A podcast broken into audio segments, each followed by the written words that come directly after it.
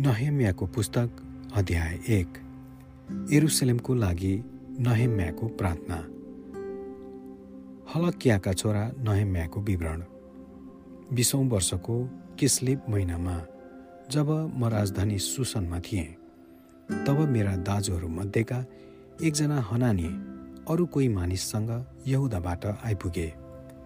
मैले एरुसलेमको र कैदबाट अरू बाँचेका यहुदीहरूको विषयमा तिनीहरूसित सोधपुछ गरे। तिनीहरूले मलाई भने निर्वासनबाट बाँचेर प्रदेशमा आएकाहरूले साह्रै दुःख र निन्दा सहनु परेको छ। एरुसलेमको प्रखाल भत्काइएको छ र त्यसका मूल ढोकाहरू आगोले नष्ट पारिएका छन्। यो समाचार सुन्नेपछि बसेर म रोएँ। म केही दिनसम्म विलाप गर्दै रहेँ र उपवास बसेँ। अनि स्वर्गका परमेश्वरसित प्रार्थना गरे। तब मैले भने हे परमप्रभु स्वर्गका परमेश्वर महान र भय योग्य परमेश्वर तपाईँलाई प्रेम गर्नेहरू र तपाईँका आज्ञा पालन गर्नेहरूसँग तपाईँले आफ्नो करार विश्वाससित राख्नुहुन्छ। इजरायलका मानिसहरू तपाईँका दासहरूका पक्षमा रात दिन तपाईँलाई गरेको मेरो विनम्र प्रार्थना सुन्न। तपाईँले आफ्नो कान थाप्नुहोस्। र आँखा खोल्नुहोस्।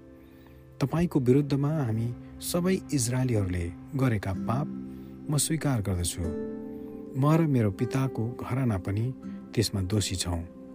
तपाईँले आफ्ना दास मोसालाई दिनुभएका आज्ञा धर्म विधि र नियमहरूलाई पालन नगरेर हामीले तपाईँको विरुद्धमा घोर अपराध गरेका छौँ।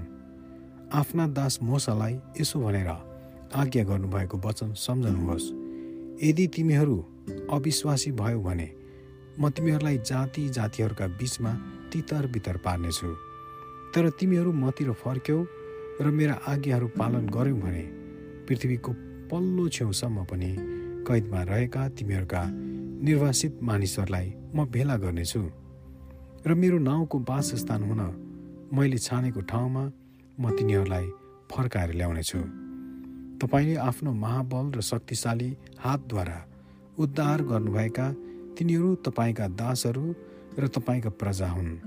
हे परमप्रभु तपाईँको दासको विनम्र प्रार्थनामा ध्यानसित कान थाप्नुहोस् र तपाईँका नाउँको सम्मान गर्न प्रसन्न हुने तपाईँका दासहरूको प्रार्थना सुन्नुहोस्। आज यस मानिसको उपस्थितिमा आफ्नो सेवकमाथि कृपा देखाई उसलाई सफलता दिनुहोस्। र त्यसबेला म राजाको मध्य टक्राउनेहरूका अधिकृत थिएँ। आमेन।